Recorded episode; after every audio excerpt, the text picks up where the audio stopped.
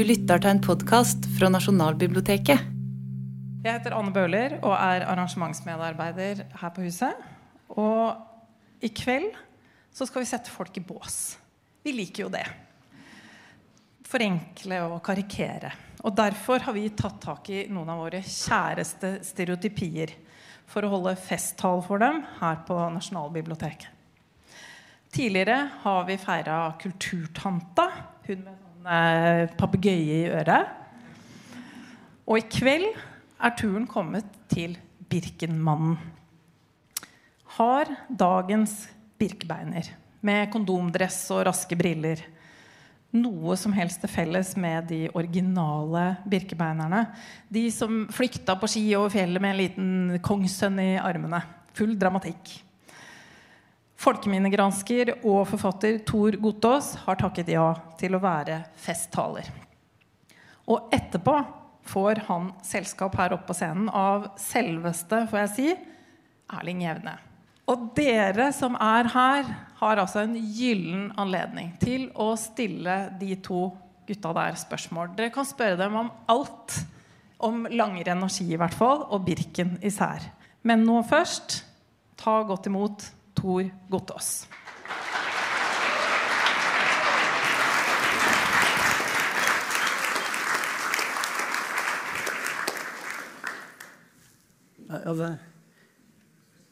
Ja, jeg ble spør, jeg, Tor Gotaas, født i 1965, vokste i Brumunddal. Jeg ble spurt om å prate om Birkenmannen.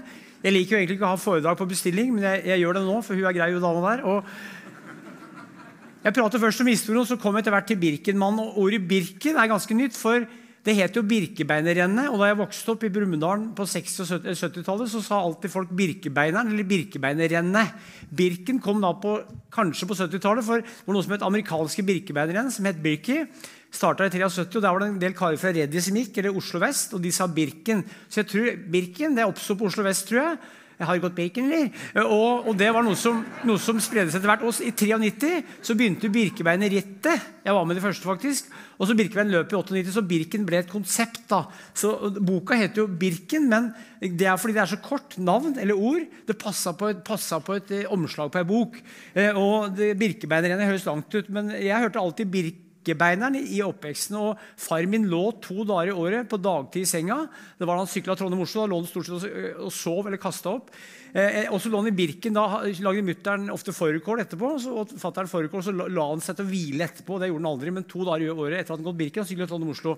Og Erling er jo naturlig å ha på omslaget, for at Erling er jo Birkebeinerkongen med sju seire. Bildet er tatt i 2002, tror jeg. Da gikk eliten uten sekk. Og Erling har jo en spesiell fin diagonalen. Som er, som, som er, er, så det her er et fint bilde, syns jeg.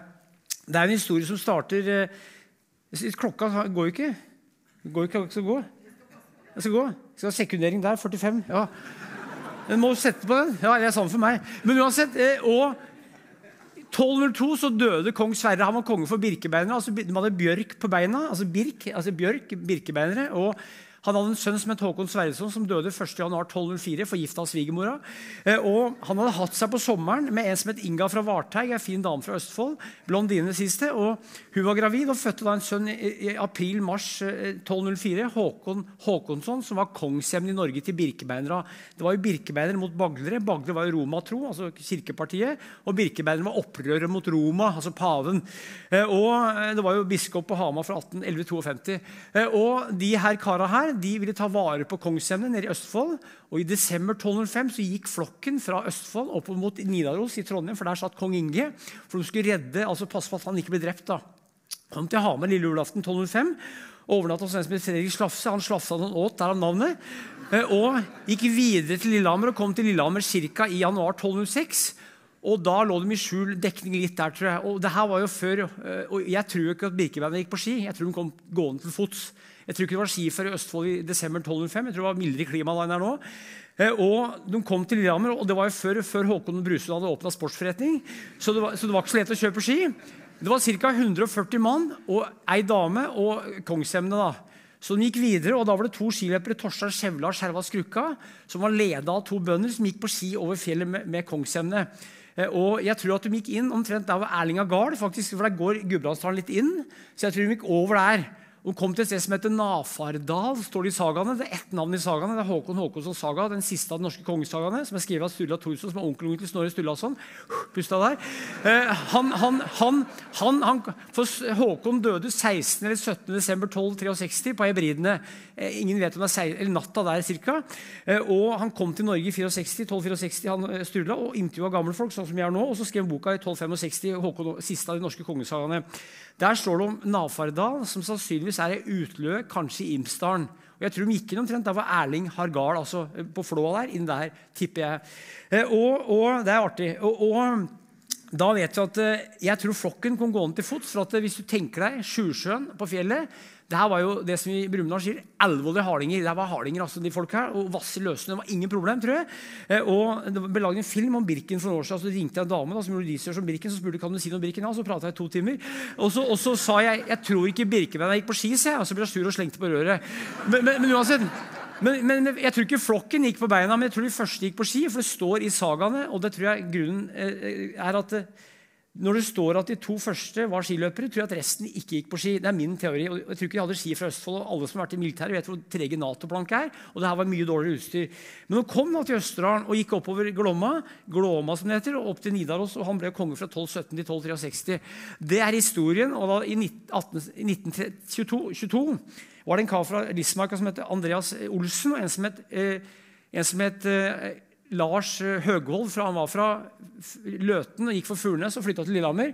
Eh, og Han jobba i sportsforretningen til P.T. Helleberg, som var fra Gausdal, som bodde i Lillehammer. Hadde sykkelbutikk, eh, fabrikk, sy sportsbutikk og skifabrikk. Eh, lagde staver òg. De hadde en utflukt med Fremad fotballklubb på Lillehammer. Og da hadde det vinteren 22 vært et renn i, Sverige som het Vasaloppet det første året. For det var inspirert av Gustav Vasa sin flukt mot Norge, mot Norge i 1521. Han rømte for øvrig gjennom en utedass og overlevde på det. Jeg skrev boka 'Norske utedoer', hvor det står. Eh, og og De mente at du må lage et birkebeinerrenn.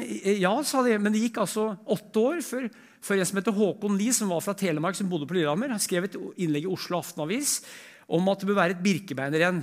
Og Det ble arrangert da første var i 32, og det var jo 20. mars 32. Og eh, eh, Før det så var det en diskusjon i avisa for at hvor går løypa. Jo, de fant ut at det var umulig å vite hvor løypa gikk. Sannsynligvis gikk løypa altså gikk over sannsynligvis lenger nord enn der løypa går i dag og da, i 32. Og det var en løype fra Østerdalen til Gudbrandsdalen hvor skiløpere gikk på skirenn mellom Østerdalen og Gudbrandsdalen. Og det, det, var en løype som de lagde, og Løypesjefen første i et halvår kampen var fra Veldre, bodde på Lillehammer, var husmaler av yrke. Han, han brøyta av ett spor.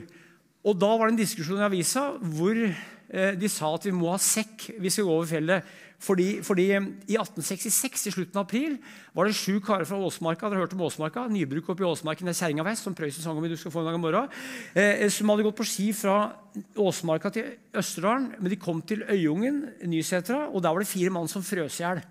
Det var i 1866. Så i 1932, altså det er da 66 år senere, nå er vi 2023, 1957, 66 år, det er flere som husker 57 her. Mannens minne, kvinnes minne. Vi må ha sekk i det første Birkebeinerrennet pga. at det var farlig å gå på ski over fjellet. Og I 2007 ble Birken avbrutt og avlyst i 2014. Så det var grunnen, Ikke pga. at det skulle være kongsemne, men det var litt symbolsk. Han var jo 22 måneder. Du er ganske tynn hvis du veier 5,5 kg og er 22 måneder. Men altså, det var, det var for å ha uh, klær og mat. da. Eh, og Det begynte her, og da var det et fly som filma Birken. Her er eldste klasse gutter over 32 år. Da var du gammel. Eh, det var en idrettsforening i Oslo som het Eldre idrettsforening. Det var for menn over 35 år. Så Jeg er 57 år, jeg var eldgammel da. Den eldste var 51,5 år. Eh, eh, og, og, det var jo folk som var med. Han Johan Evjen for eksempel, han var 45 år. Han trønderen som hadde seg i skirenn. Han hadde seg i skårarennet mellom Løkken og Støren. Det var avtalt med Budøy på matstasjonen der. Og Uppen stasjen inn med stysjen og gikk videre. Og hun ble jo gravid, hun dama. Så det ble farskapssak, så dommeren spurte husker hva han het. Nei, men jeg husker startnummeret. Uh, uh, og, og, og, Så det er 32, ja. Her er, her er, her er første pulle. Og favoritten det året var en som het Gjermund Muråsen fra Trysil. Han vant femmila det året, men han hadde fått det som i Brumunddal kaller drittoa.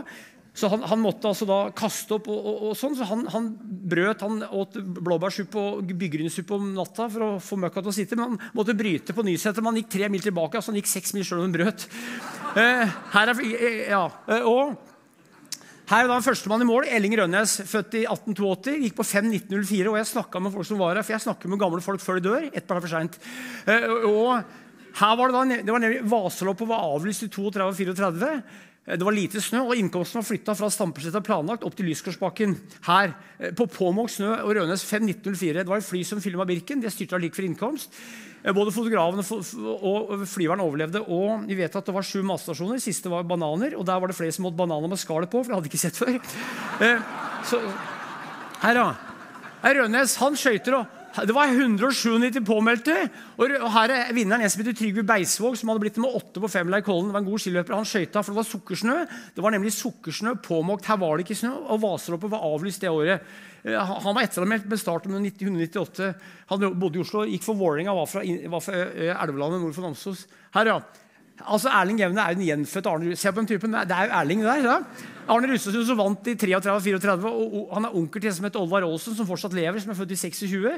Eh, så Han var en Birkebeiner-konge, og, og var jo da den som vant i det legendariske året 34, da det var eh, forferdelige forhold. Han vant på 5,41. Det var seks mann under seks timer. Beste maksimaltid var ca. 7,14. Alle løpere måtte smøre om. Eh, og da måtte løpere lage bål, for ingen hadde jo lampe. Så de måtte lage bål og tenne opp bål, og så tørke skia og smøre om. En som heter Hans G. Rundtov fra Gaustra, hadde smørt åtte ganger og tent åtte bål og klarte merket på 8-12 i eldste klasse. Men, men det var i 34. Og onkelen til far min han, han var født i 17. Han var og gikk over, da, så jeg snakka med flere som var med da. Tidsvitner, altså. Men han Birkebeinerkonge. eh, Og, og i 34 var det forferdelig føre. altså Seks mann under seks timer. Det er det første året vi vet at damer gikk. En som het Ingeborg Sæter fra Lillehammer gikk sammen med mannen sin. gikk på 6.03. Eh, Unnskyld, det var i 35, ja. 35 og eh, damene krevde å gå allerede i 33. Eh, dame som skrev et innlegg i Østlendingen i 33. Eh, og vi vet at eh, I Vaseloppet gikk jo også damene et, en gang, ei dame en gang, men det ble forbudt i Sverige. Så Birken fikk dameklasse først i 1976, men da var det mange som hadde gått over i mange år.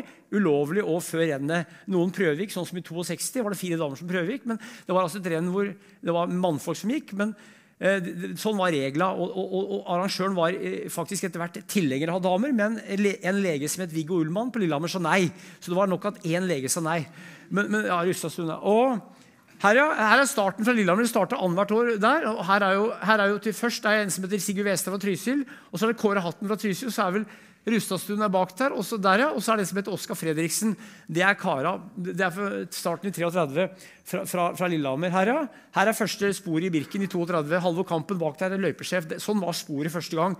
Her er brøyting av Birkeveiensporet første gang. En ganske kontrastlig dag. Eh, veldig artig synes jeg at det var så enkelt. Her, er- han vant i 38 og 35. Olaf Hofsbakken gikk på 3,56 og 38, og det er dritbra. altså, For var, løypa var lenger, i hvert fall 58 km. Og se på de stava, se på de stava. Det er korte staver, altså. Og han ble intervjua i 38, han, og, og da ble han spurt eh, på radioen var det hardt å gå? Hardt, ja. Var løypa hard? Ja. Veldig beskjeden. Og han, han, han skulle intervjues på Mats, han jobba på Matshus, og han skulle intervjues, og da hadde han blokkert døra, så han nekta de å komme inn. Olav Fossbakken fra Snertingdalen, verdensmester kombinert i 38, og vinner av Birken i to år da. Og her er vi da, Så kom krigen, så var Birken slutt. og her er Leif Haugen leder på Gunnar Hansveen, og Haugen vant jo i 46. De, gikk sammen, de kara. Eh, Hansveen vant i 37 og 40, og Haugen leda på Hansen. De, bestemte seg for å gå likt i mål, men så, men så gikk Haugen fra han. Haugen jobba hos Håkon Brusveen, og Haugen han, eh, han var en harding, god til å smøre ski, og et år så hadde han mye hull i tenna. Så gikk de til tannlegen, og tannlegen bar opp masse hull og måtte betale masse penger.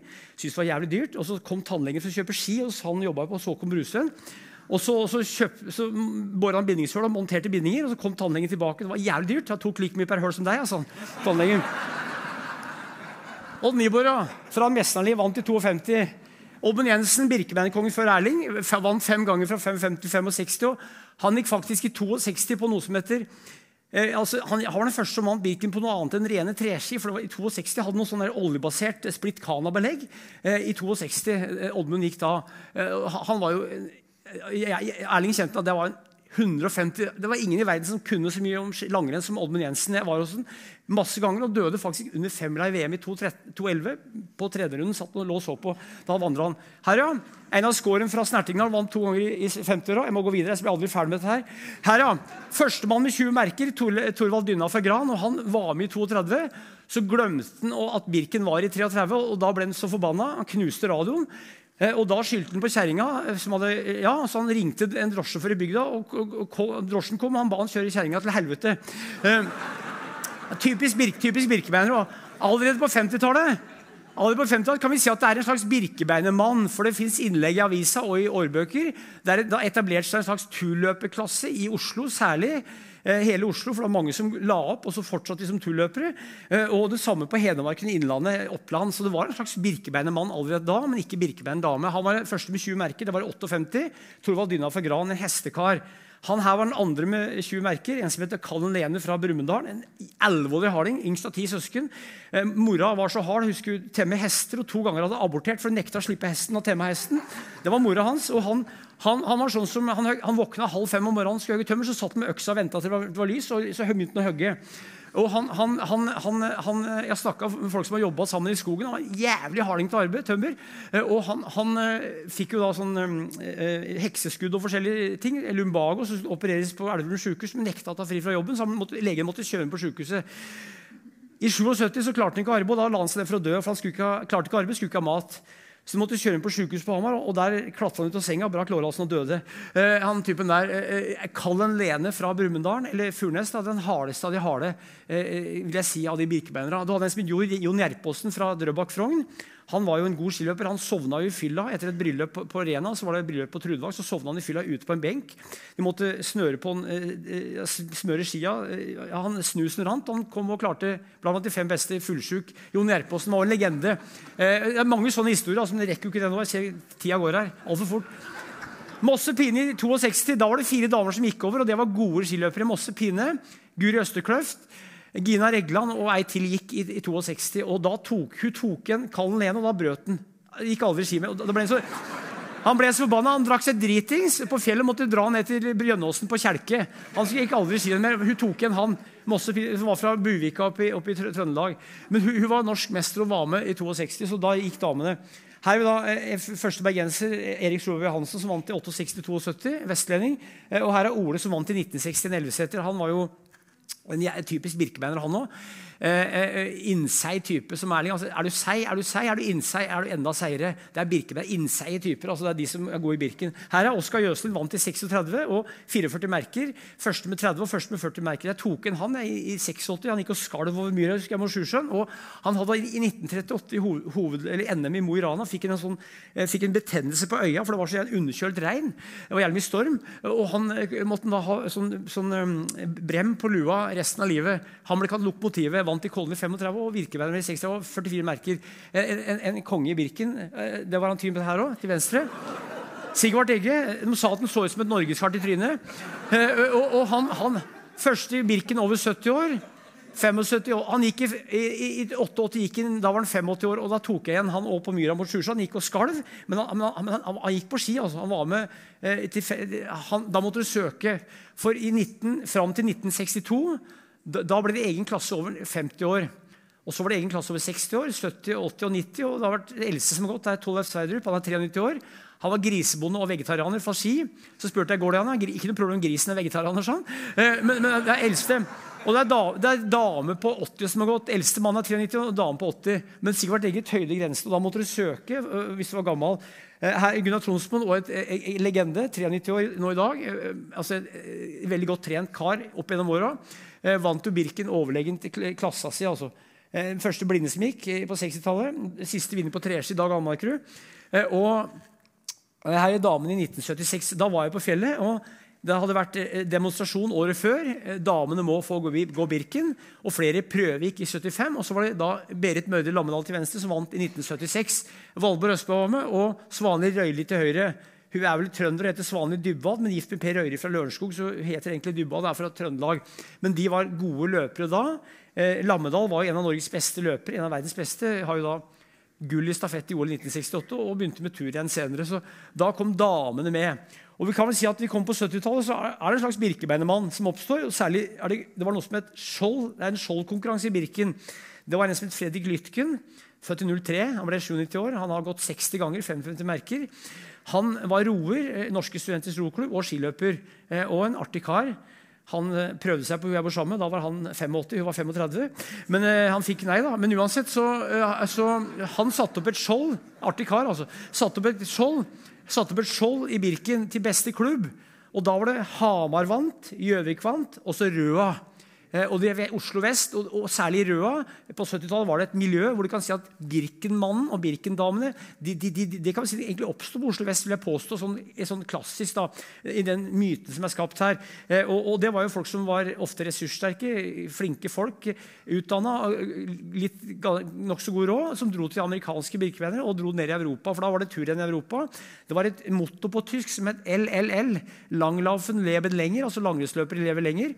Eh, og Det var et konsept som kom med joggebølgen. faktisk. Joggebølgen kom fra New Zealand til USA og så til Europa i 70-åra. Og det, var det, det gå langrenn ble ansett som sunt. Eh, og da har du At det oppstår en birkebeinet mann og dame faktisk, da på Oslo vest, vil jeg, vil jeg påstå. Mange flere menn enn damer. Men at typen fins allerede på 70-tallet. Og det hørte jeg i Brumunddal, eh, hvor han Røa hadde masse merker. De vant denne merkeskjolkpokalen noen, noen ganger. Senere så kom NTH, for NTH har mange studenter, og Hamar. Men Hamar var en veldig sterk klubb. Det var et veldig stort miljø der blant birkebeinere.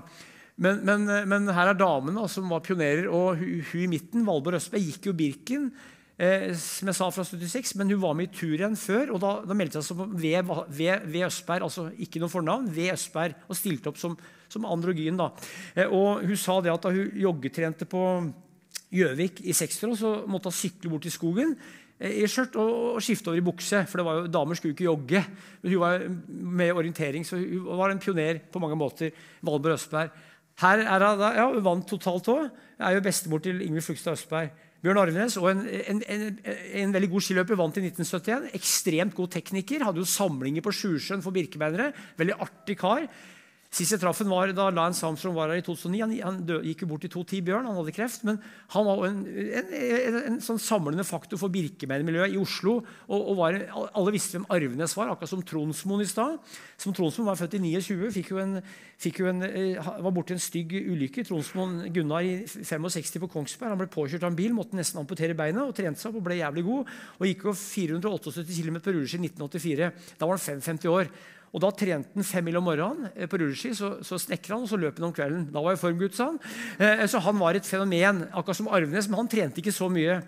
Tronsmoen var et treningsprodukt. Arvenes var et teknisk geni. Han gikk jo ekstremt bra på, klassisk på ski. Jeg har gått bak ham, og Han var sånn liten og tett kar. Jævlig bra tekniker, Bjørn Arvenes, og bra skiløper. og Vant Birken i 71 og, og var på, på, landslagsnivå, men, men, men, men jobba. Da, han var ikke som Oddvar Brå, som for øvrig ligger på Ullevål sykehus nå. Han har skifta kne. Oddvar vant jo jeg vant jo aldri Birken, men, men han, han, var jo på landslag sammen med Oddvar. Ja. Her, ja. Pege Daaland. En god kamerat av Erling Evne. Og Pege Daaland og en typisk birkebeiner. Han vant jo uh, aldri femmila i Kollen, har fire andreplasser og vant femmila NM i 77. En erketypisk birkebeiner med tre seire. Og god på klisterføre. God til å smøre ski. Eh, og, og, en humørkar og en, en energibunt. Oddvar Brå sier at det er én skiløper som aldri var helt utmatta, som alltid hadde godt humør, som aldri tom for krefter, og det var han der. Oddvar, han, han, hadde ikke vært borti noen som var, som var, så, som var så utholdende og seig som Per Knut, eller Peren som han blir kalt. Og Han smører jo ski i dag. Han, er 6, han er født i 54, han er 58, blir 59 år i høst. Så han er fortsatt i god form, men han går vel ikke renn, tror jeg. Men han, han har tre seier i Birken, og typisk for den der Birkebeinermannen. Ja, ja. Eh, men her er Johan Østvang han er birkebeinerkonge, født i 1928. Eh, han er søskenbarn til far til Ola Elvesæter og vant Birken i 54. Og så gikk han 55 ganger, har 55 merker. Og han jo langt, lå langt frampå. Ja. Og han gikk på litt over fire timer som åtteåring. Han så ut som en ungdom eh, hele livet. Johan Østvang fra Furnes. Og han hadde det som kalles birkebeinersjuken. Det er en sykdom som rammer særlig mannfolk, og spesielt på Østlandet. Eh, og De blir helt tullinger utover vinteren. De, de, kona må ofte dra til Syden. De må sove alene. De kan ikke ha sex. De må ete spesielt, kan ikke måke snø, for det er feil bevegelser. Eh, og, og, og, og han hadde birkebeinersjuken, han her. Det er bare én ting som er verre for birkebeinermannen for han enn å, enn å, gå Birken, og det er å ikke gå Birken. Så, så han, han, Johan han, han, forklarte hvordan han var nesten plaga av det her, da, med litt sjølironi. Hvordan, hvordan, det var en slags, For jeg har gått Birken 23 ganger, jeg gikk 20 ganger på rappen. Men jeg, jeg vil ikke bli gammel, og så spør folk hva har du brukt livet ditt på. godt og tenkt på Birken. Så jeg, jeg, jeg har ikke slutta å gå, men jeg har ikke gått på en del år. for jeg gikk altså mani, for, for det, det, Men det sa han at det var. da, Det var en mani, og han har jo 55 merker. Lytken har 55, men har lyttet 60 ganger. Johan var en kjernekar. Han var så god at han var norsk mester i 54. Og, det året vant nå Birken. Men han er også en pioner i å tøye, for Birkebeinermannen og kvinnen da, de har jo også vært pionerer i å tøye fysisk fostring langt oppover i åra. Når Eldres idrettsforening på 30-tallet var gutter over 35 år, så, så, var det ganske spesielt. Første året var det altså 51,5 år, lengst eldste. Og så var det en som het Wilhelm Møller, som var 66 år, som gikk før krigen. Ellers så var det ingen utøvere som var noe særlig over 60 år før du kommer ut på 60-tallet. Da har det han Torvald Dynna, eh, men da var eldste klasse 50 år eldre. Og så ble vi eldste klasse i, fra 76. Da ble det fireårsklasser, fire altså 20 til 24. Og da ble det etter hvert forskyvelser. Så de er pionerer i, å, i, i fysisk fostring langt opp i livet. Birkenmann og Birkenkvinnen. Eh, og å, at, jeg husker det var en kar som het Tollef Sverdrup, ja, han som ble gammel. Han hadde sett at en kar at en kar i klasse over 50 år på 60-tallet at han spratt opp på, på, på, på, pallen. Han var sprek. Ja, det synes jeg var rart at en gubbe på over 50 år kunne være sprek. For det, jeg er jo 57 år, så, så det, det, var spesielt da, synes han, for han skulle ha frakk og hatt og være ikke feit, men altså være litt mer satt. Så, så, det er noe Birkenmannen og kvinnen har vært med på å skyve på. For langrenn er så mjukt og skånsomt på kroppen. Når du løper, så er det harde støt, men langrenn er det så mjukt så du kan gå til å bli gammel. Eh, stort sett. Her, ja. Eh, her er da et fall. Eh, de gikk jo Mål ned mot Lillehammer var jo fælt. Jeg har sjøl gått i mål på Stampesletta. Det var jo helt forferdelig å kjøre ned. Eh, og mange datt der. Eh, her har vi da eh, Lytken til venstre.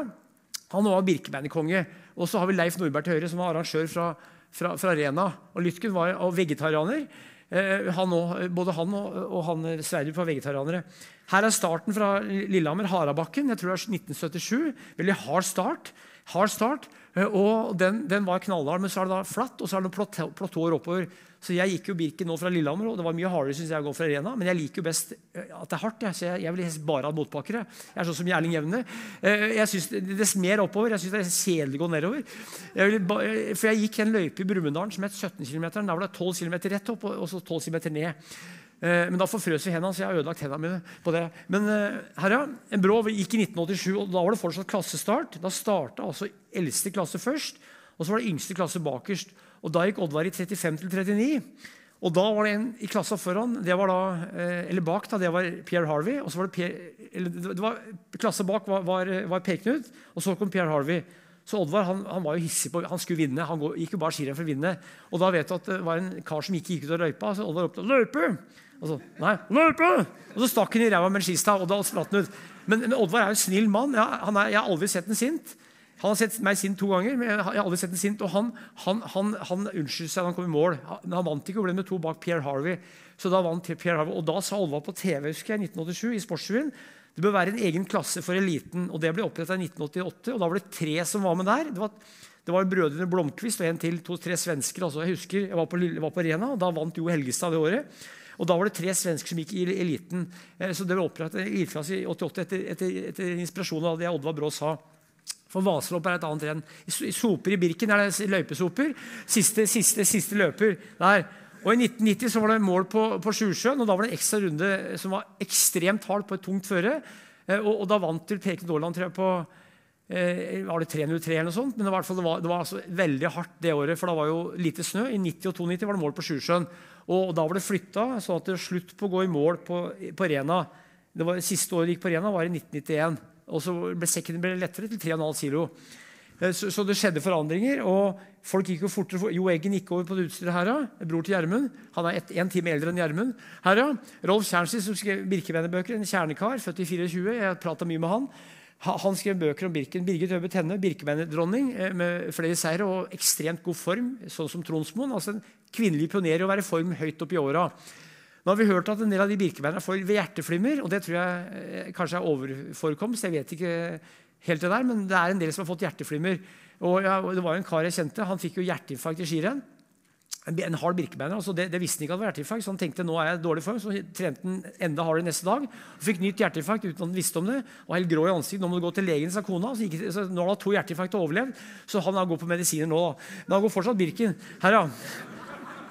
Anita Moen fra, fra Trysil-gutten hun er jo ekstremt god i diagonal. Eh, jeg gikk et år jeg er bak Anita en, altså, hun kan virkelig gå på ski motbakke. Jævlig bra teknisk Hun vant Birken fem ganger. Men hun var god i sprint òg. Og hun er jo, som Erling, Erling er jo fra Øyer, hun er fra Trysil. Der er det mye slak motbakke i Trysil. Så hun, hun passa bra i Birken. altså Vant fem ganger. Anita Moen eh, fra, fra Trysil-gutten.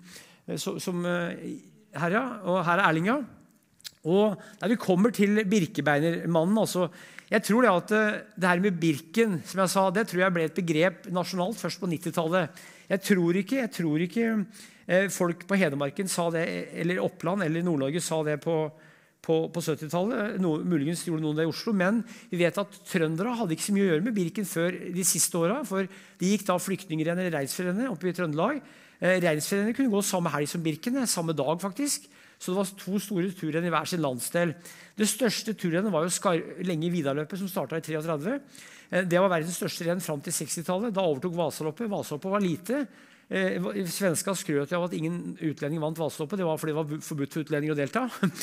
Så de, første norsk som var med, det var Harald Mortmann fra Heming. var med i 1951. Da leda han, men han sprakk vel og ble litt nummer åtte eller noe sånt, tror jeg, eller fem. Men eh, Pekka Kuvaja fra Finland vant i 54. Eh, og, og, og det, det, Ole vant jo, Ellefset vant i 1971.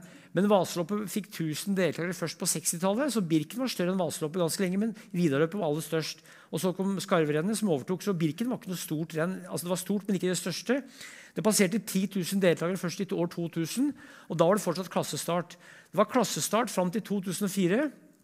Eh, og det betydde at eh, da var det blitt en, Fra 88 fram til da var det blitt en eliteklasse som vokste i størrelse.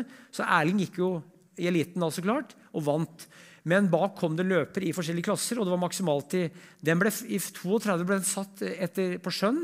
Men fra 35 ble det satt på uh, de beste, snittet av de fem beste i hver klasse pluss 25% Så hvis snittet er fire timer på de fem første, så er det maksimaltid av fem timer. Det var fra 1935 og fram til uh, ganske nylig. Det har forandra litt nå. Uh, jeg var jo imot så klart, at det skulle være jeg var imot den nye startordningen. Jeg skrev hissig innlegg i avisa. Eller ikke hissig, men jeg bare skrev det jeg mente var rasjonelle innlegg. For jeg mente at det ødela, det ødela sjela mente jeg til Birken. For jeg mente at Birken hadde en sjel som jeg mente ble ødelagt. Det mener jeg fortsatt, men det, hva jeg mener personlig, det har ikke noe å si, for jeg er egentlig imot alt, nesten. Så, så det har ikke noe å si, altså. Nå tuller jeg litt. Men uansett, eh, så, så kom det her med Birkebeiner ritt, ritt, i 1993. Og da ble det folk som var ansatt i Birken, for før hadde ikke folk eh, jobba med Birken på noe annet enn dugnad. Eller de jobba med det i arbeidstida og fikk lønn fra arbeidsgiveren. Så det her med Birkebeiner-rennet og Birkebeiner-rittet og Birkebein i løpet. Da er vi 93 løpet.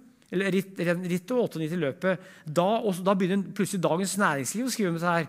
Eh, jeg vet ikke når det var eksakt, men da oppsto altså en slags Birkenmann, en myte. og Det tror jeg mest tilhører 2000-tallet. Hvor, hvor, hvor, det het seg at det var mange fra næringslivet da, som, som, som, gikk. Det kan godt hende.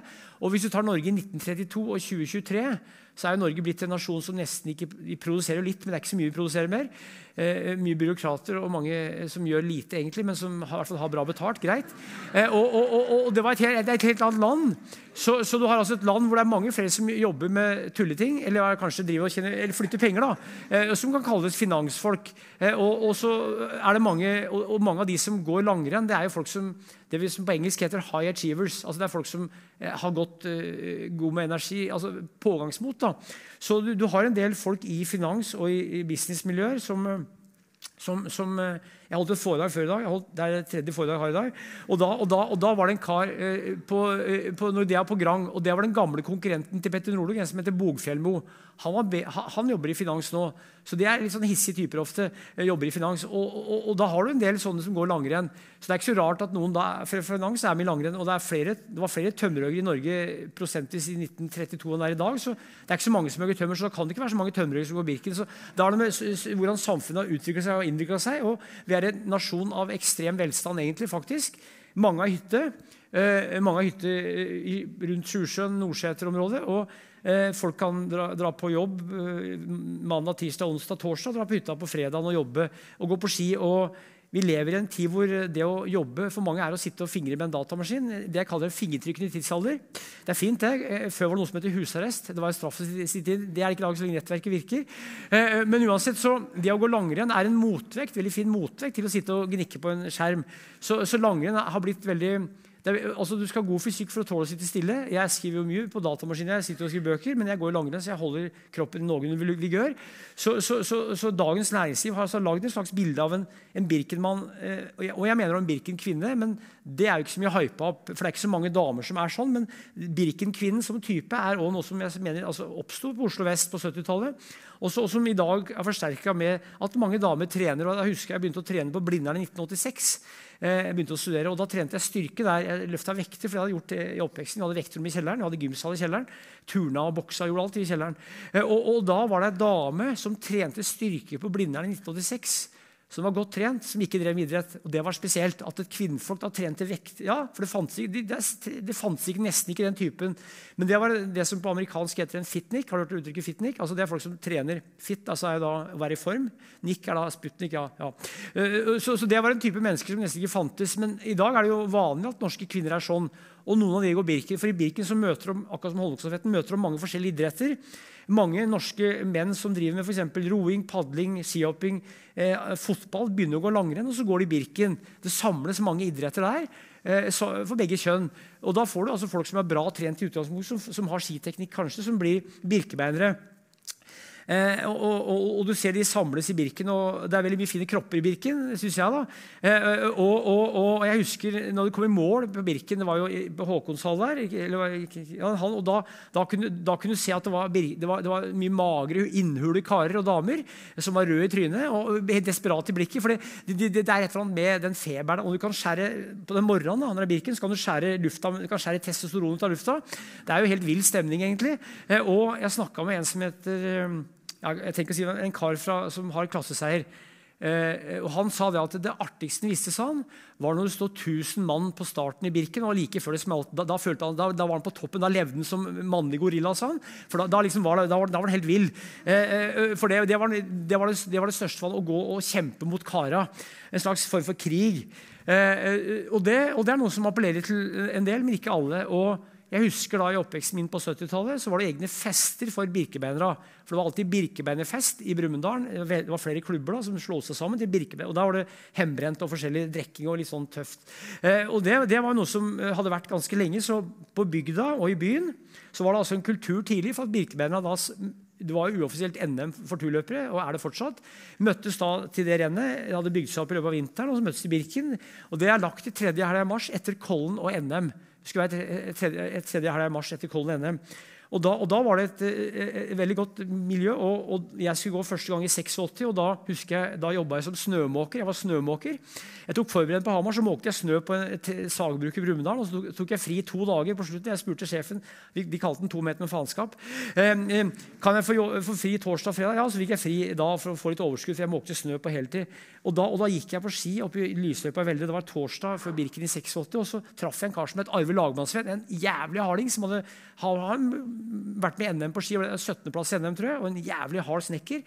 Han lurte på skal du gå Birken. Jeg skal prøve, sa jeg. Skal prøve, han. Ja, det må, må gå, han. Og, og, og, da, og, da, var det sånn der at hvis du gikk Birken da, blant kara, så var det akseptert. Da var det liksom turløper. Da. Det var ikke skiløper, det var turløper.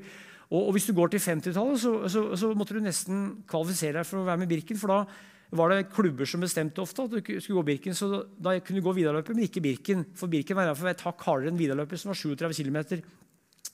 Og Der var det 40% maksimaltid der. Så Birken hadde en slags klassikerstatus tidlig blant turløpere og et uoffisielt norsk mesterskap. Og Hvis du husker Eldar Hagen drev Eldar Hagen Sport, født i 1918 fra Rendalen. Bror til Oddbjørn Hagen, født i 08, en av ti søsken. Seks brødre som gikk på ski. Han sa det at du kan ikke delta i en samtale mellom menn på Østlandsand uten å ha gått Birken eller sykla Trondheim-Oslo. Ja, han mente det. Eldar mente det litt på tull. da. Men folk kjøpte jo ski hos han, og gjerne blåskia-ski, som var lagd i Nittedal. Og Eldar var en birkebeiner som gikk til over 80 år. En typisk birkebeiner. Han var jo rendøl. Men, men altså, det her typen, eh, typen der og de, de, møttes opp på, skistua og trente der. Eh, tok badstue og forskjellig. Så eh, rundt i landet det masse, er det masse miljøer. Akkurat som Holmenkollstafetten. Det har en samlende effekt. Eh, men Birkebeinermannen mener jeg er altså en stereotyp som er skapt av, av Dagens Næringsliv. og det er greit det. Eh, men de jeg kjenner i Brumunddal og Veldre som går Birken, er jo elektrikere, gardbrukere, snekkere. Det er jo såkalt vanlige folk, lærere. Jeg kjenner noen finansfolk, men, men, men, det er nok mulig at det er flere av de prosentvis, men jeg tror ikke det stemmer egentlig. Men, men de som kanskje eh, Det er noen få da, som er framheva som det. Eh, og eh, blant damene så er det også sikkert samme typen som går. men Uansett så er det da noe som, eh, noe som, eh, Jeg bruker ikke det der.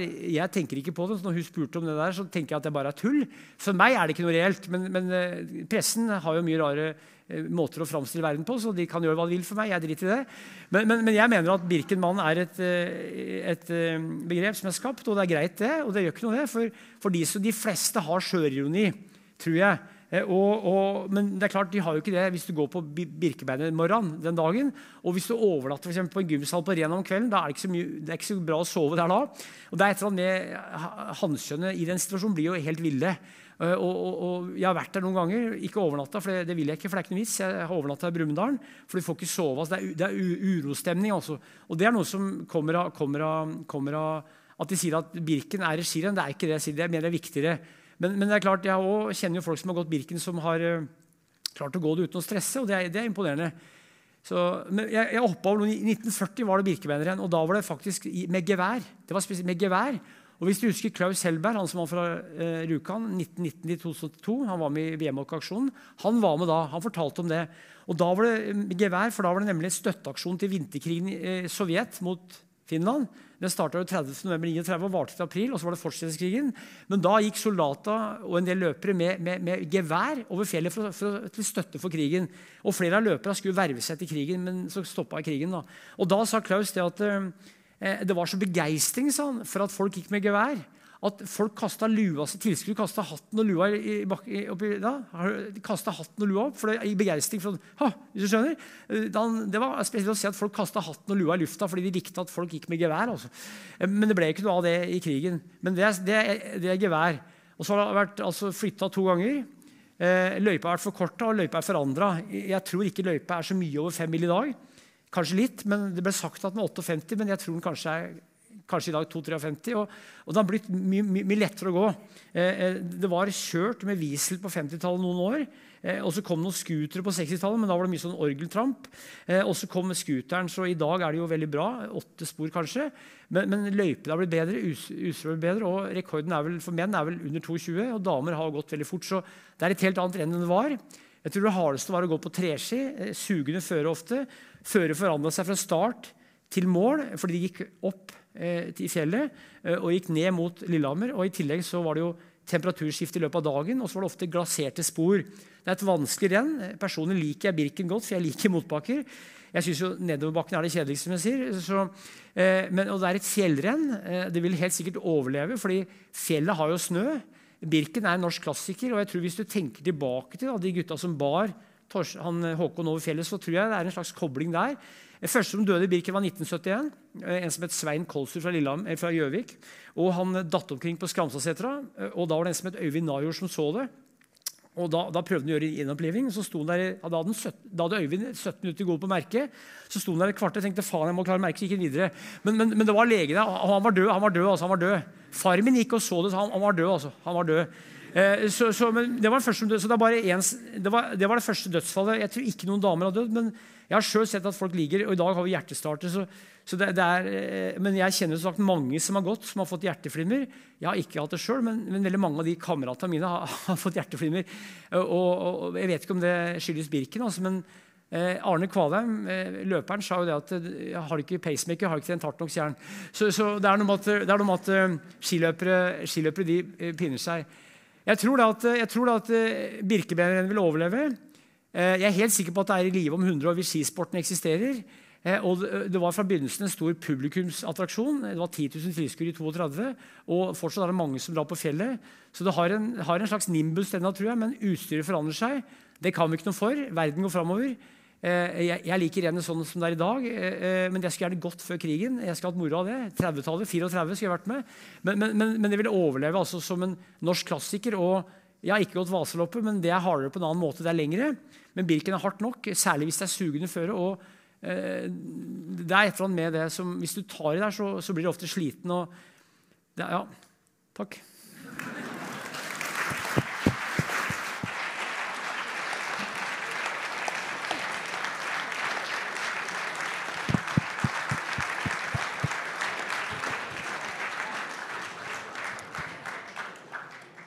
Tusen takk, Tor Gotaas. Eh, nå blir det en kjapp liten omrigg eh, her. Eh, Tor skal komme opp igjen.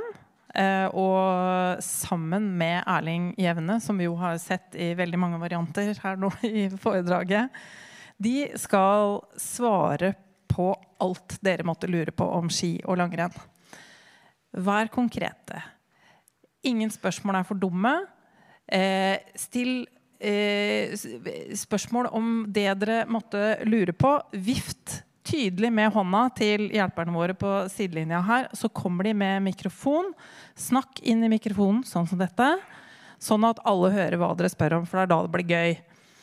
Eh, hvis det går litt trått, så skal vi nok klare å holde praten i gang. Dere kan komme opp nå, gutter. Nyklipt og fine.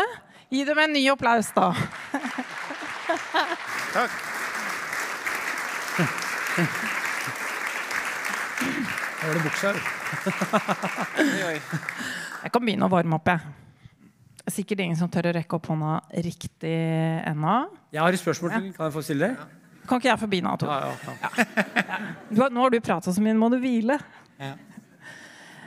Sju ganger, Erling Evne, har du vunnet. Hva, eh, hva er det du husker aller, aller best? Hva er liksom Birken for deg?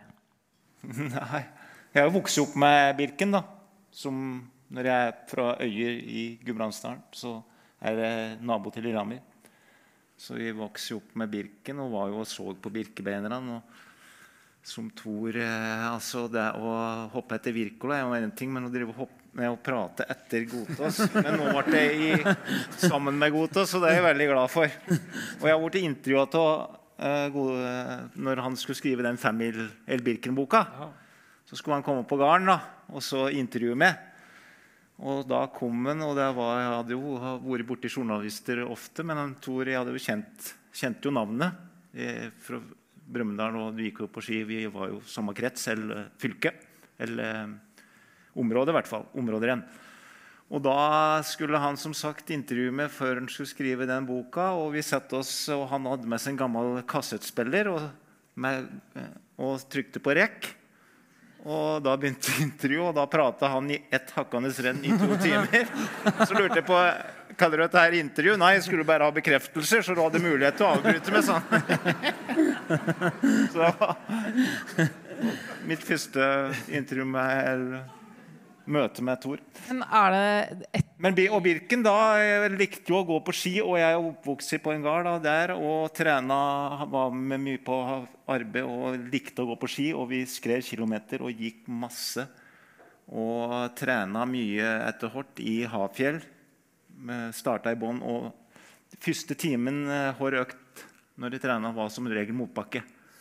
Og da vi- viste det seg at det skulle være ideelt for eh, å gå Birkebeineren og, og seige løp. Og hvis jeg skulle satsa om igjen, så skulle jeg i hvert fall eh, trene på en annen måte.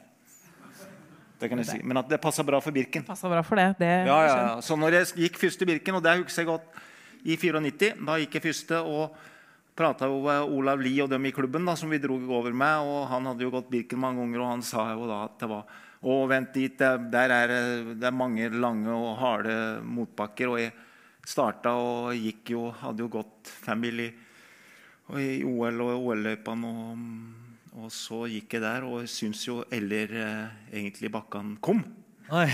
Så da var jo, jeg var jo i kjempeform. Ja. Så jeg hørte jo Midtfjellet og, og gruvd etter Midtfjellet, og jeg gikk jo og var jo i veldig god form. Så jeg, kunne, var, var, jeg var jo i bobla, og da er det jo neste tak som teller. ikke sant? Så jeg følte heller at det var Men eh, etter jeg la opp i 2002, så har jeg også gått Birken og har òg merka bakka nedover. da. Og, så jeg har følt begge sider. Og veldig respekt for eh, trassen fått etter hvert. Men det var en annen måte å gå på da. Er- Får vi noen hender opp her? Eh, Dette er eh, unik eh, samling eh, langrennskompetanse som er på plass her. Vi har en hånd helt bakerst. Hei, Erling. Sigurd Vangen fra Lillehammer her. Hvis, si hvis de hadde gått Birken altså under OL på litt, Du sa at første gang var, var i 94. Hvis de hadde gått Birken som femmila, hadde du tatt Smirnov da, tror du? Mm, ja Det tror jeg ikke, faktisk. For jeg tror han hadde mye å gå på i den eh, femmila på Men i 96, da var jeg veldig, veldig veldig god form når det gikk Birken. Så kanskje jeg kunne vært med ham da. Når han eh, Det er vanskelig å si. Umulig, egentlig. Kan jeg si Men jeg hadde noen bra, bra Birkevenner. Oddbjørn Hjelmeset sa det at hvis han hadde gått Bir Birken som et renn som var til Skramseter, hadde han ikke klart å henge, henge på med deg. Stemmer det? Tror du det? Han, sa, han var god i motbakke, han om Hjelmeset. Ja, ja. Han sa det. Han prøvde jo. Han klarte ikke å henge på. Nei. Nei, han klarte ikke å henge på. Det gikk fra han. Gikk fra. Ja, ja. Irene, Ja. Nei, det passa meg Ja. veldig bra, den, det at det var 10 km. Det er jo veldig spesielt. Det passa meg veldig ja. Jeg kjente det at når du kom i gang og hadde gått eh, en like, ti minutter, et kvarter, så hadde jeg i motbakke, da, Ja. som vi gjorde i vanlige løyper, så had, kunne jeg holde stimen. da. Ja. Men jeg var jævla treig, da. Så jeg var jo ingen sprinter. så slik sett så var jeg bra jeg konkurrerte den tida, og i hvert fall ikke i dag. For da Tønseth lider Det er mange som lider, den, Holund og Ja. ja. Men sånn er idretten. Det utvikler seg. Det var veldig fascinerende å se på gjennomgangen din, eh, Tor, med alle de hardingene som du kaller dem. Jeg, jeg har lyst til å sjekke her hvor mange i salen er det som har gått Birken. Opp med hånda! Se det! Ja. En eh, sal full av hardinger. Klapp for dere sjøl. Her er det mange innseige. Som en tår. Det er jo kompliment.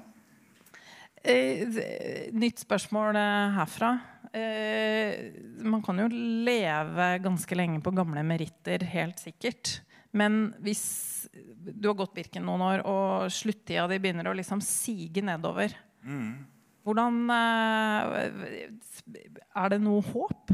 Nei. Eh, må man bare slutte? Legge Nei, Eller behøver ikke å slutte. Men for min del, da, som har vært med og prega det mange år, og så ser og hadde helikopter ved sida av meg, så er det jo jævla stusslig å, å bli lenger og lenger etter helikopteret. Det var jo så slik sett. Så, men jeg har skiglede, har jeg. Men jeg kan gå innover Øyefjellet på en som gardbruker og sjølstendig, så er jo mange ulemper med å være gardbruker, men det er faktisk, noen fordeler òg. Det er å kunne gå og se skiturer midt på dagen. Og det er fint. Da kan jeg gå så jeg har gått Hafjell skimaratonløypa. Den, 42, det er- den går i Øyer, og 42 km. Så jeg prøvde den helga før den, de gikk med startnummer. da. Så jeg fikk meg som kjenne på at eh, og, og dårlige faktisk er borti. da. Men eh, at jeg slipper den eh, Det behøver ikke å ha startnummer for å kjenne Så jeg går slik eh, halva langtur, så en ikke kan orke å prate med en før en begynner å slime. da. blir sliten. Ja, ja. Så det er Godt, å bli, sliten. han blir sliten og så begynner å bli ødelagt. Så, Ja. så har jeg den følelsen. Og det er jo en god følelse, men jeg trenger ikke å ha den så mange ganger om vinteren lenger. Men jeg er veldig glad av å gå Jeg har noen femmilsturer om vinteren i mitt tempo. Det er bra. Klarer du å holde tempoet der? Nei, jeg går Hvis jeg skal Sist jeg gikk Birken, da i eh, året før koronaen, da gikk jeg. Ja. Da, var det ganske, da gikk jeg på 2,57. Det er siste gangen jeg har gått. Bra, det. Bra, ja. Så det, da var det trått og kaldt. Ja. Så da var det ikke så veldig Det gikk, gikk med Northug, da. Ja, Ja. stemmer det. Tok du på slutten? Ja, han, eh, Ja. han slo meg i spurten, sjølsagt. Ja, ja, ja, ja. Men det er greit å bli slitt av Northug i spurten. Ja. Ja, Det var i overkant, det renner faktisk. Men visste du at den var der da? Nei. For Hun filma kjerringa di, sendte meg den filmen. du. Så så jeg klipp på, så tror jeg hun ropte at Northug var der uten at du så den. tror jeg. Ja, da glemte glemt å filme. Ja, ja, ja. ja. Et eller annet sånt. Ja, Slik er det. Får vi flere spørsmål fra salen her? Her har vi en hånd helt bakerst der. Ja, bra. Ja. Eh, du nevner grisebønder og elektrikere og snekker og sånn i tidlig fase. Når er det overgangen kom til de som legger igjen 40 timer i uka? Synes det er litt ja. Kan du utbrodere det litt? Prater du om meg?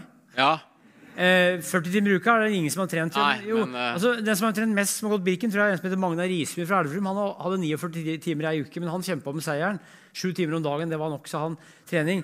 Men, men, men, men den, den, en pioner er jo egentlig Gunnar Tronsmoen fra Alvdal. Født i 29, som da, som jeg sa, trente opp etter en ulykka i 65 på Kongsberg. og, og en, måtte lære seg å gå og lære seg å løpe. og Han er en slags pioner gjennom at han trente seriøst som voksen. og hvis du ser Tronsmoen i, i 87, da, for jeg gikk jo i i 87 og traff han på nummerutdelinga dagen før, og da var han sånn som jeg er nå. da.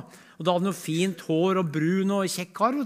Han spratt rundt der som en ungdom, og han var da så bra trent som mange yngre hadde vært noen år før. Så Tronsmoen er en pioner blant mennene. Og så har du da Valborg Østberg for kvinner. og Eh, og de her eh, andre damene som jeg viste bilde av i stad. Så, så, det er da de som begynner å trene virkelig mye, men det er gradvis eh, det her, var, det var en bevegelse til Tronsmoens bekjempelse for, for, å få den bort, for han ødela merketida.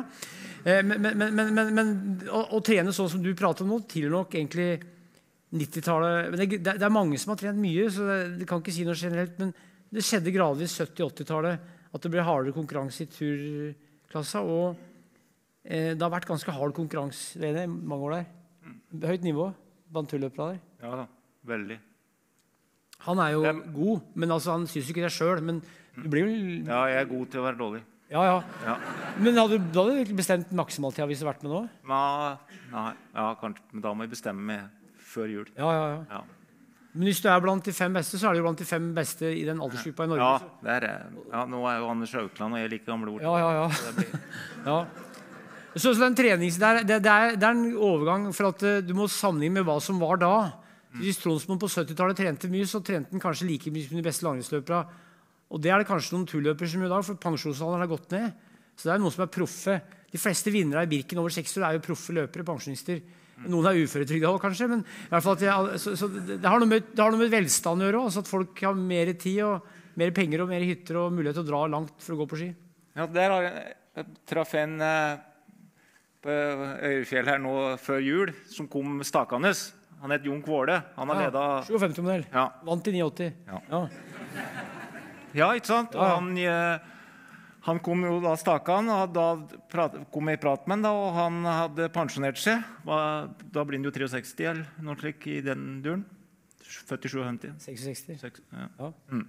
Hadde i hvert fall pensjonert seg, og så hadde han fått noe vondt i leggen han måtte bare stake. Og så hadde han gått mye på rulleski på sommeren og etter han hadde slutta arbeid. Og hadde han gått 5000 km. På rulleski? Ja. Jeg visste det ikke. Nei, nei, nei. nei. Ja, for at Pigginga har jo kommet de siste 10-15 åra. Og jeg så den i Hafjell skimaraton. Da gikk den der, og fy fader, og lett. Ja, det går bra, gikk bra teknisk i klassisk Ja, veldig. før Og òg. staka så lett og fint. at- Så helt imponerende. Nå har vi, Jon har vi spørsmål fra salen her. Ja, jeg lurer på, eh, Det er jo åpenbart eh, viktig å vinne for mange. Eh, Har det vært mye juks og dop? I Birken-historien. Du hadde jo folk som gikk inn f.eks. på Skramstadsetra. som gikk inn der. Det har skjedd flere ganger. Eh, det har skjedd at eh, tvillinger har gått hver sin halvdel. Og, og, og, i 1990 eller 92 så var det en som kutta løypa, for det var ekstra runde. Og det er eksempel at folk har faktisk gått fra Sjusjøen bare og ned. det vet jeg om, Men jeg kjenner jo et par stykker som har blitt tatt i juks. Eh, Jeg skal ikke henge til her. Men, men, men, men, det, er, det har vært noe juks. Men det er klart, den, den ultimate forbryter blir jo aldri tatt. Så den ultimate jukser blir heller ikke tatt. Eh, men det er lettere, var lettere å jukse før i tida. Da ble du utestengt for idrett et år. eller noe sånt. I dag så er det mye vanskeligere å jukse, for det er jo brikker. og det er jo et helt annet system. Men det er klart, eh, det er juksa på sekken. Flere har gått med for lett sekk. Det vet jeg. Og det er jo vanskelig, for mange går ut da med sekk, og så kan de for ha en appelsin som de spiser opp underveis. Eh, så de har jo vekta på kroppen altså i form av appelsin. Hvis ikke svetter du ut den appelsinen. Så det er noe med at, eh, at det har vært ulike typer juks, og, og noen er jo tatt og har blitt diska. Eh, men, men det har vært lite juks hvis du tenker på hvor mange som har gått. Men men, men jeg vet om to som jeg kjenner personer som har juksa, blitt tatt. altså. Men, de går jo ikke og prater om det, og det gjør ikke jeg. Men jeg vet om to stykker. Og det er på 2000-tallet. For da blir de avslørt, altså. For da blir de brikkene. Og så vet jeg om to som har hatt seg underveis. To nå! Det var én i stad. Ja, ja. ja, men det var, ja, men det, ja, men det var en utenom et annet renn. Det her Ja. var bak et tørrgran nede i Åsdalen.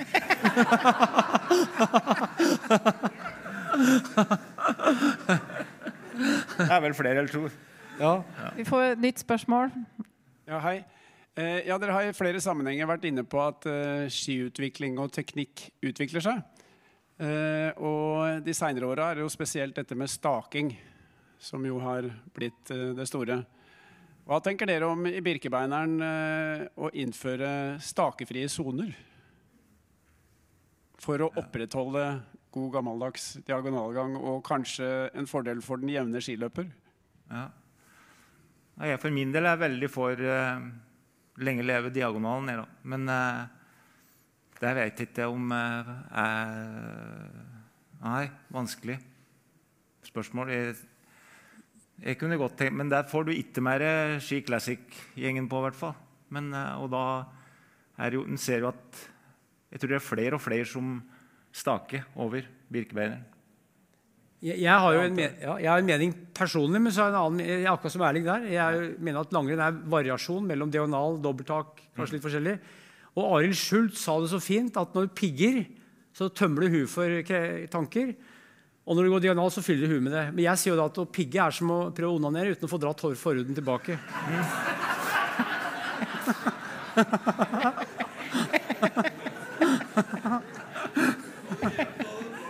Ja. Jeg skal gjøre det etterpå, Gunnar.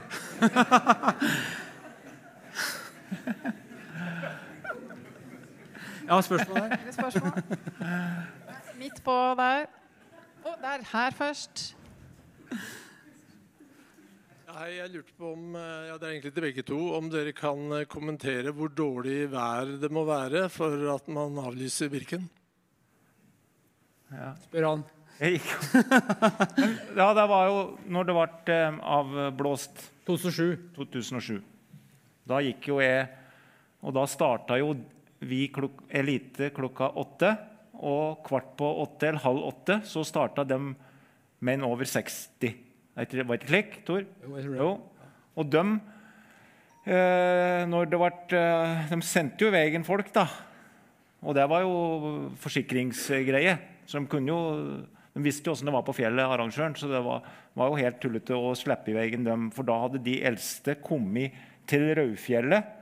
Og når vi kom til Dambua etter en 17, så kom jo båndet, da.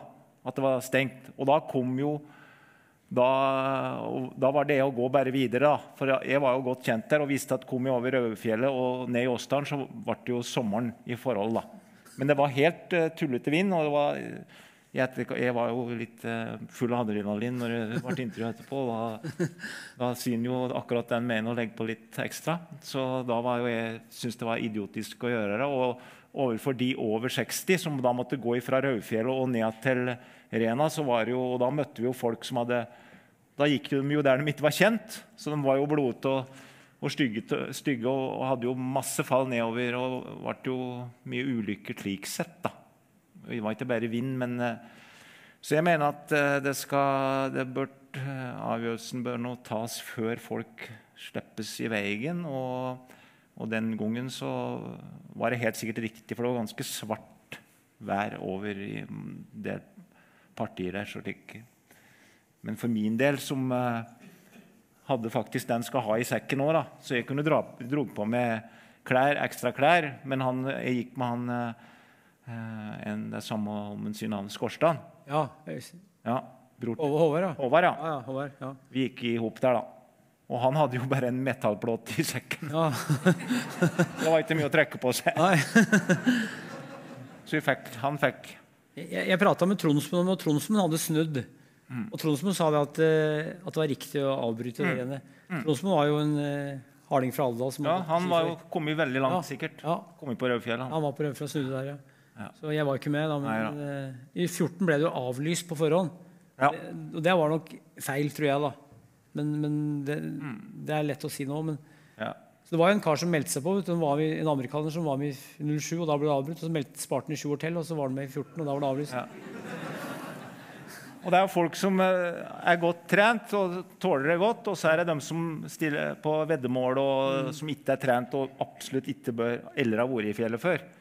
Så dem, det er dem en må ta hensyn til. da. Så sånn er når det blir så mange birkebeinere på start, så det, skal alle hensyn tas. Så tror jeg det var 14, 17 000 påmeldte i 2014, og det er, det er mange. Ja. Passerte jo 10 000 i 2000, så det var litt mange kan vi si sub da, bak der. Så subløp, altså eh, sånn bak der som var dårligere i form, tror jeg. For det, det er klart at det begrenser hvor mange gode løpere som kan være med, så det blir løpere som er dårligere trent, eller dårligere skiløpere. Har vi spørsmål midt på der?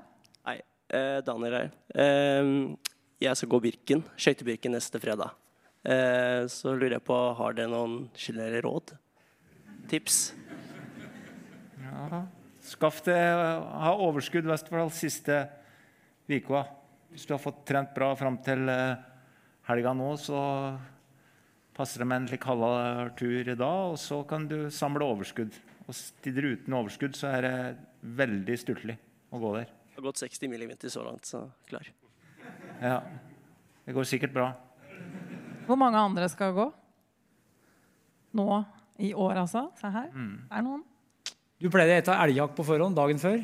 Elgjakt, var det det? Ja, vi bodde jo Ja, på Rena. hos familien Myhrvold på Ja. Rena og fikk jo samme kosten, så da var det elgak og potet. Og, det var helt nydelig. Men det er, ja. Så, men det er viktig å drikke godt og Ete litt ekstra de siste par dagene. Ja. Og så er det jo særlig jo, lengre tid enn har tenkt å bruke, jo mer må man ha å tære på. da. Så det er fordel å gå fort. Ja. Vær så god. Du snakket om eh, birkebeinersjuka. Er det en kronisk tilstand? Er den godarta eller malign- eh, ondarta? Kan du si litt om det? Eh, den kan gå over, men eh, da må man ofte til en slags psykisk eh, eh, sjølransakelse. Altså, jeg, jeg husker jeg prata med folk i Brumunddal som hadde hatt den sykdommen og, og ble kvitt det. En som het Johan Håkensveen, født i 1940. Han gikk Birken, og han sa at det var ingen problem han, å bli kvitt den. Men, men, men jeg klarte å bli kvitt den for min egen del. Jeg hadde den ikke så ille, men jeg kunne ikke stå og sett på. f.eks. så hvis du, jeg går en lang skitur en dag, men jeg tror det at eh, folk er forskjellige. og, og jeg, eh, Så det er veldig avhengig av om hun har behov for å konkurrere. Jeg har ikke behov for det, men, men jeg vet om folk som da, som da har, har vondt i kroppen da, hvis de ikke får gå. Men, men det er jo bare tull, og det er jo idrett bare, så det er helt useriøst, egentlig. Men, eh, men noen er så ille at de må gå, og de, de klarer ikke å unngå. Og Johan Østvang sa da at han heller han måtte gå. altså han, han hadde ikke noe valg. Men han ble jo sjuk litt på slutten av livet. Da måtte han slutte, men han ga seg etter hvert, han òg. Så det gikk jo over hos han òg. Det er det det gjør. Ja, eh, jeg har et spørsmål til. Eh, Jeg lurer på dette med utstyret. Eh, Er det noen som har testet ut eh, å bruke det utstyret fra 1934? Liksom, hvor mye dårligere hadde det gått? Går det an å si noe om det? Du kan si noe om det, for at eh, Nå hadde du bilde av Jo, jo Jeggen her. Han gikk jo på ski som var fra vikingtida. Det er noe annet, da. Det var jo, han gikk på seks-sju timer. Men hvis du går på det utstyret som Rustadsson brukte i 34, så var det veldig bra utstyr da. så klart. Det var det beste som fantes da. Men skal du gå i det utstyret, så må du ha litt andre typer løyper enn det er i dag. For at eh, de skia er sannsynligvis for breie til moderne spor. Så det er vanskelig å teste det egentlig. Jeg har sjøl gått på treski sist i 2007, for da hadde jeg skrevet en bok om skimakere og norske skifabrikker. og gikk på Landstrømski, som var jævlig bra på, på tørt føre. Men, men du må, må, ha, må ha Og jeg vet at i fjor så gikk jo Vasaloppet på gammelt utstyr. Og de vant på 6,57. Og det, vinnertida var i, i 22 var på litt over sju timer. Så gikk, eh, Sødegren gikk omtrent som de vant på 22. Så det er ikke sikkert at de hadde gått så mye fortere i dag. Litt fortere hadde gått, men eh, det ville tatt lang tid. Eh, 34 var det dårlig føre i tillegg, da, for det var sugende føre. Skia kunne jo veie dobbelt så mye mål da som du starta, og mista spenn òg. Så det er så mange faktorer, for tre er jo levende materiale, og stava har mye å si. For stava var jo bambus eller tunkin. Det er så mye som teller inn, så det er vanskelig å teste det moderne løypertreet. Du må nesten gå opp spor. da. Eh, Men det er ikke gjort så, så vidt jeg vet, akkurat det der. Og løypa er litt annerledes, for når du går sånn, så blir det mye mer staup og forskjellig. Det, det som spretter bortover, så Langrenn på den måten er, er helt annerledes enn i dag. Eh, Så det er ikke bare utstyr, det er måten å gå på. egentlig. Og de som er i dag, er ikke trent for den måten å gå på. Så det, det, det høres enkelt ut, men hvis en skal begynne å gå i dybden på det, så er det egentlig ganske vanskelig tror jeg, å få rettferdig test av det. I Vaseloppet så hadde de tror jeg, gått opp løype, eh, delvis. Og det var visst Sødegren mente det var noe av det hardeste jeg har vært med på. Og det var sju, sju timer, altså, med gammel, for du får ingenting gratis. Er det flere spørsmål? Ja, helt bakerst. Hei, eh, Even her. Eh, Spørsmål til Thor. Eh, når var forrige gang du gikk fiskebein? 1987. Jeg var med i Nimila i 87, og så starta jeg bakerst i yngste klasse. og så Det var sukkersnø i hver eneste motbakke. Fiskebjørn tenkte jeg Jeg gikk vel tror jeg, ca. 90 fiskebjørnsbakker. og eh, Jeg syntes det var helt jævlig. Og, og så tenkte jeg nå skal jeg prøve å gå rett opp. Og det har Jeg gjort, jeg har gått noen ganger fiskebein i Birken pga. sukkersnø. fordi jeg måtte, Men på trening har jeg aldri gått faktisk, seriøst fra 87. Men da, jeg, da går jeg alltid med bra feste, og jeg har mjuke ski. Så jeg går jo med for bra feste stort sett. Men det er mer at jeg liker å gå rett opp, og vi lærte i oppveksten at du skal gå rett opp alle bakker. Og hvis du gjør det, du gjør det i begynnelsen av sesongen, så er det en teknikk altså å smyge seg opp. Jeg, det er godt, sport i det. Så, så, jeg blir jo snart jeg, jeg, må sikkert slutte Jeg må sikkert begynne å gå fiskebein, ja, men jeg holder noen år til. I hvert fall kanskje, ja, prøver å holde noen år til. Men det er artig å gjøre det, for det er et eller annet med det som Når du går motbakke, så går, bruker du armene. armene så det, blanding av å bruke armene og beina og så smyge seg opp. Vi lærte det i oppveksten. Jeg trente mye spretne skigang. så det er noe med å, å, å komme seg opp bakken, og, og så skal vi ha sånn dobbelttak opp bakken. Også. Flere måter å gå på. Og Ifølge Tor Godtås så det refererer jeg ofte av når jeg har folk på skikurs, at når en går diagonal, god diagonal, så brukes 95% av muskulaturen. Ja. Men de siste fem, hva det er for noe? Jeg er usikker. Du er usikker? jeg vet ikke. Det er riktig, jeg har lest det òg. Bruker over 600 muskler. Og det er mye svømming, langrenn og roing har jeg lært bruker flest muskler. Og det er mer oksygen i kald luft, så det er jo, og kvitte opp farge. Og vi er mye inne om vinteren, så det er fint å være ute og gå på ski. Så det er veldig bra for hele skrotten å gå på ski. altså. Vi rekker et par eh, spørsmål til her, altså. Eh, det ble nevnt at eliten gikk uten sekk i starten. Eh, har du noen sånn formening Du har sikkert gått Erling, med, uten og med sekk. Har du noen formening om disse kiloene, sånn, hva det vil si? Sånn. Ja, det var vel uten sekk bare når det var worldcuprenn i 2002. Ja. ja. Men ellers så har jeg gått med sekk. Men det, kanskje det var helt i starten at det var uten. Men den sekken har blitt lettere og lettere den år, vet du. I tillegg til alt det andre som har blitt lettere og lettere. Så nå er den jo 3,5, og så var den 5,5. Og jeg har heller gått med så tung sekk, for jeg starta ikke før den var lett. Men den, han merker jo sekken, så det er jo fint å Sjøl om det er bare 3,5, å trene litt eh, noen turer med den og venne seg til på Den blir jo litt støl og lurt å gå noen turer med sekk, for det blir et litt annet steg. 5,5 kilo er stor forskjell på 3,5 og 5,5. Ja. Hvis du går motbakke, for eksempel, så hvis du begynner å gleppe med litt 5,5, så er det større forskjell. Hvis du begynner å stivne og bli sliten og sprekker Mm. og så, Det er noe med de kiloa som er ganske, ut, kan utgjøre, særlig hvis det er tungt føre. Mm.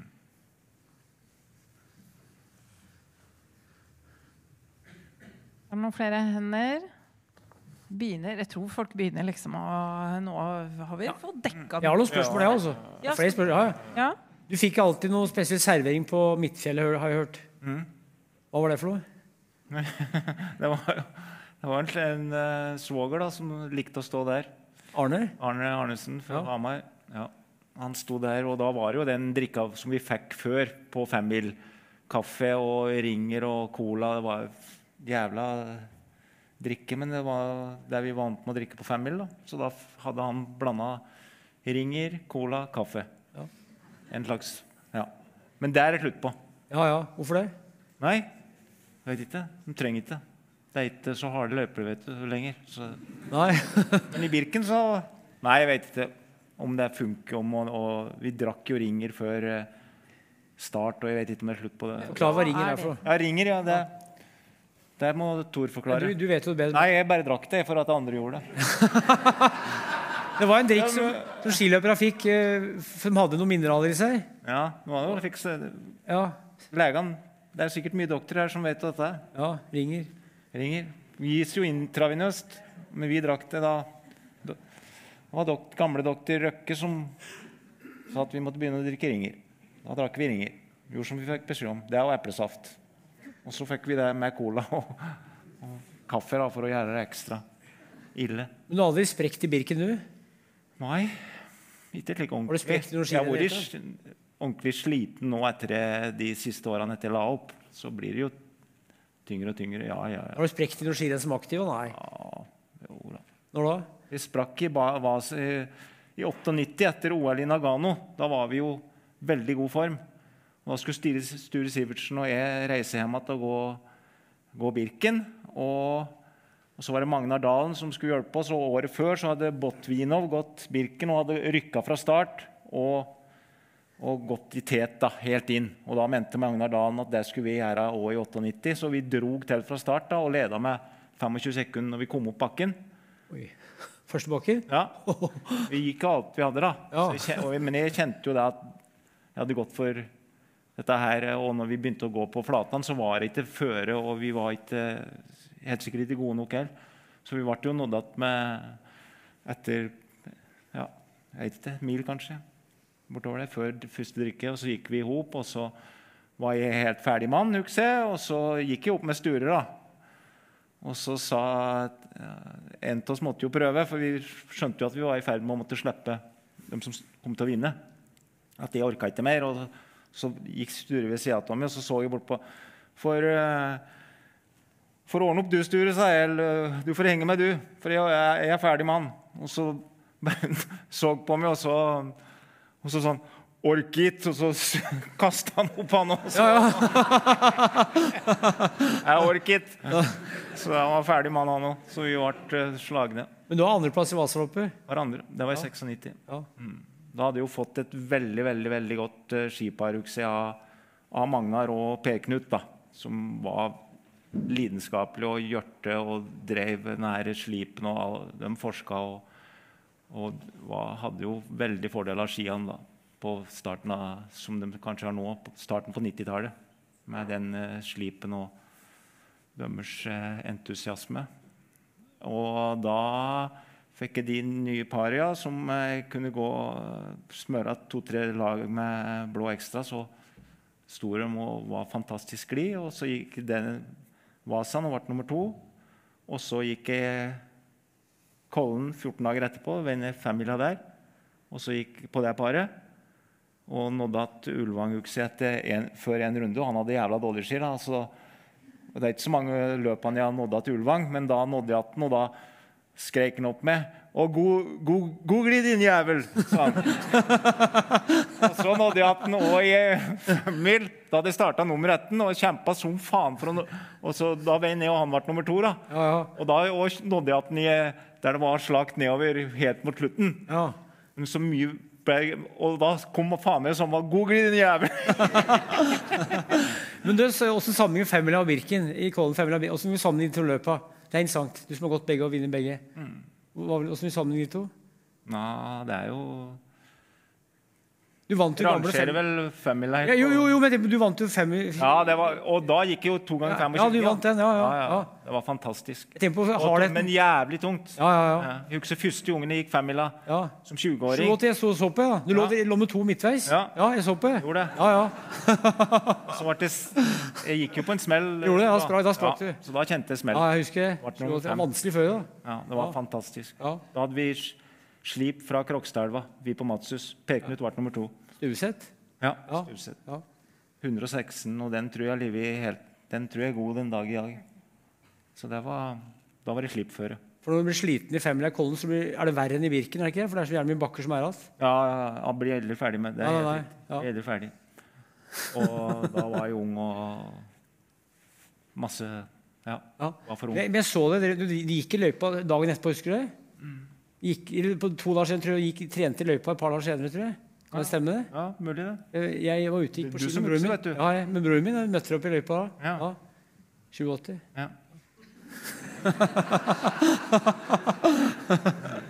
Kan vi ta en sånn kjapp tipping helt til slutt?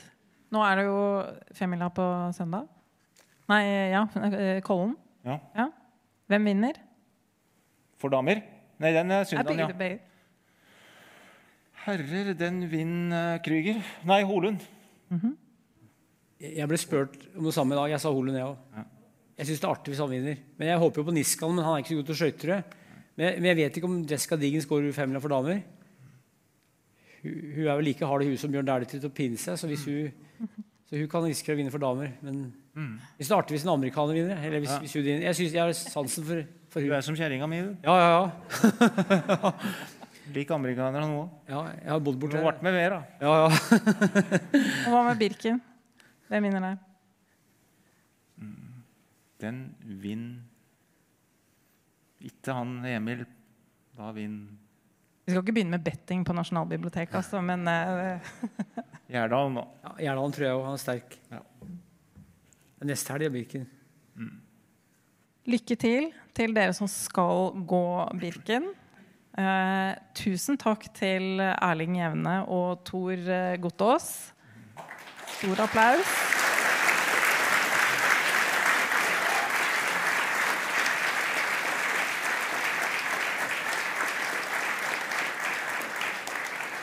Takk for at dere kom. Festtalene våre fortsetter utover våren her på Nasjonalbiblioteket. 15. april med Harald Fossberg, en helt annen sjanger. Han skal holde festtale til Svartmetalleren. Og 10. mai Marta Breen kommer for å holde festtale for Sinnafeministen. Så sånn går det her. Stort spenn i stereotypier og fordommer. Tusen takk for nå. Hjem.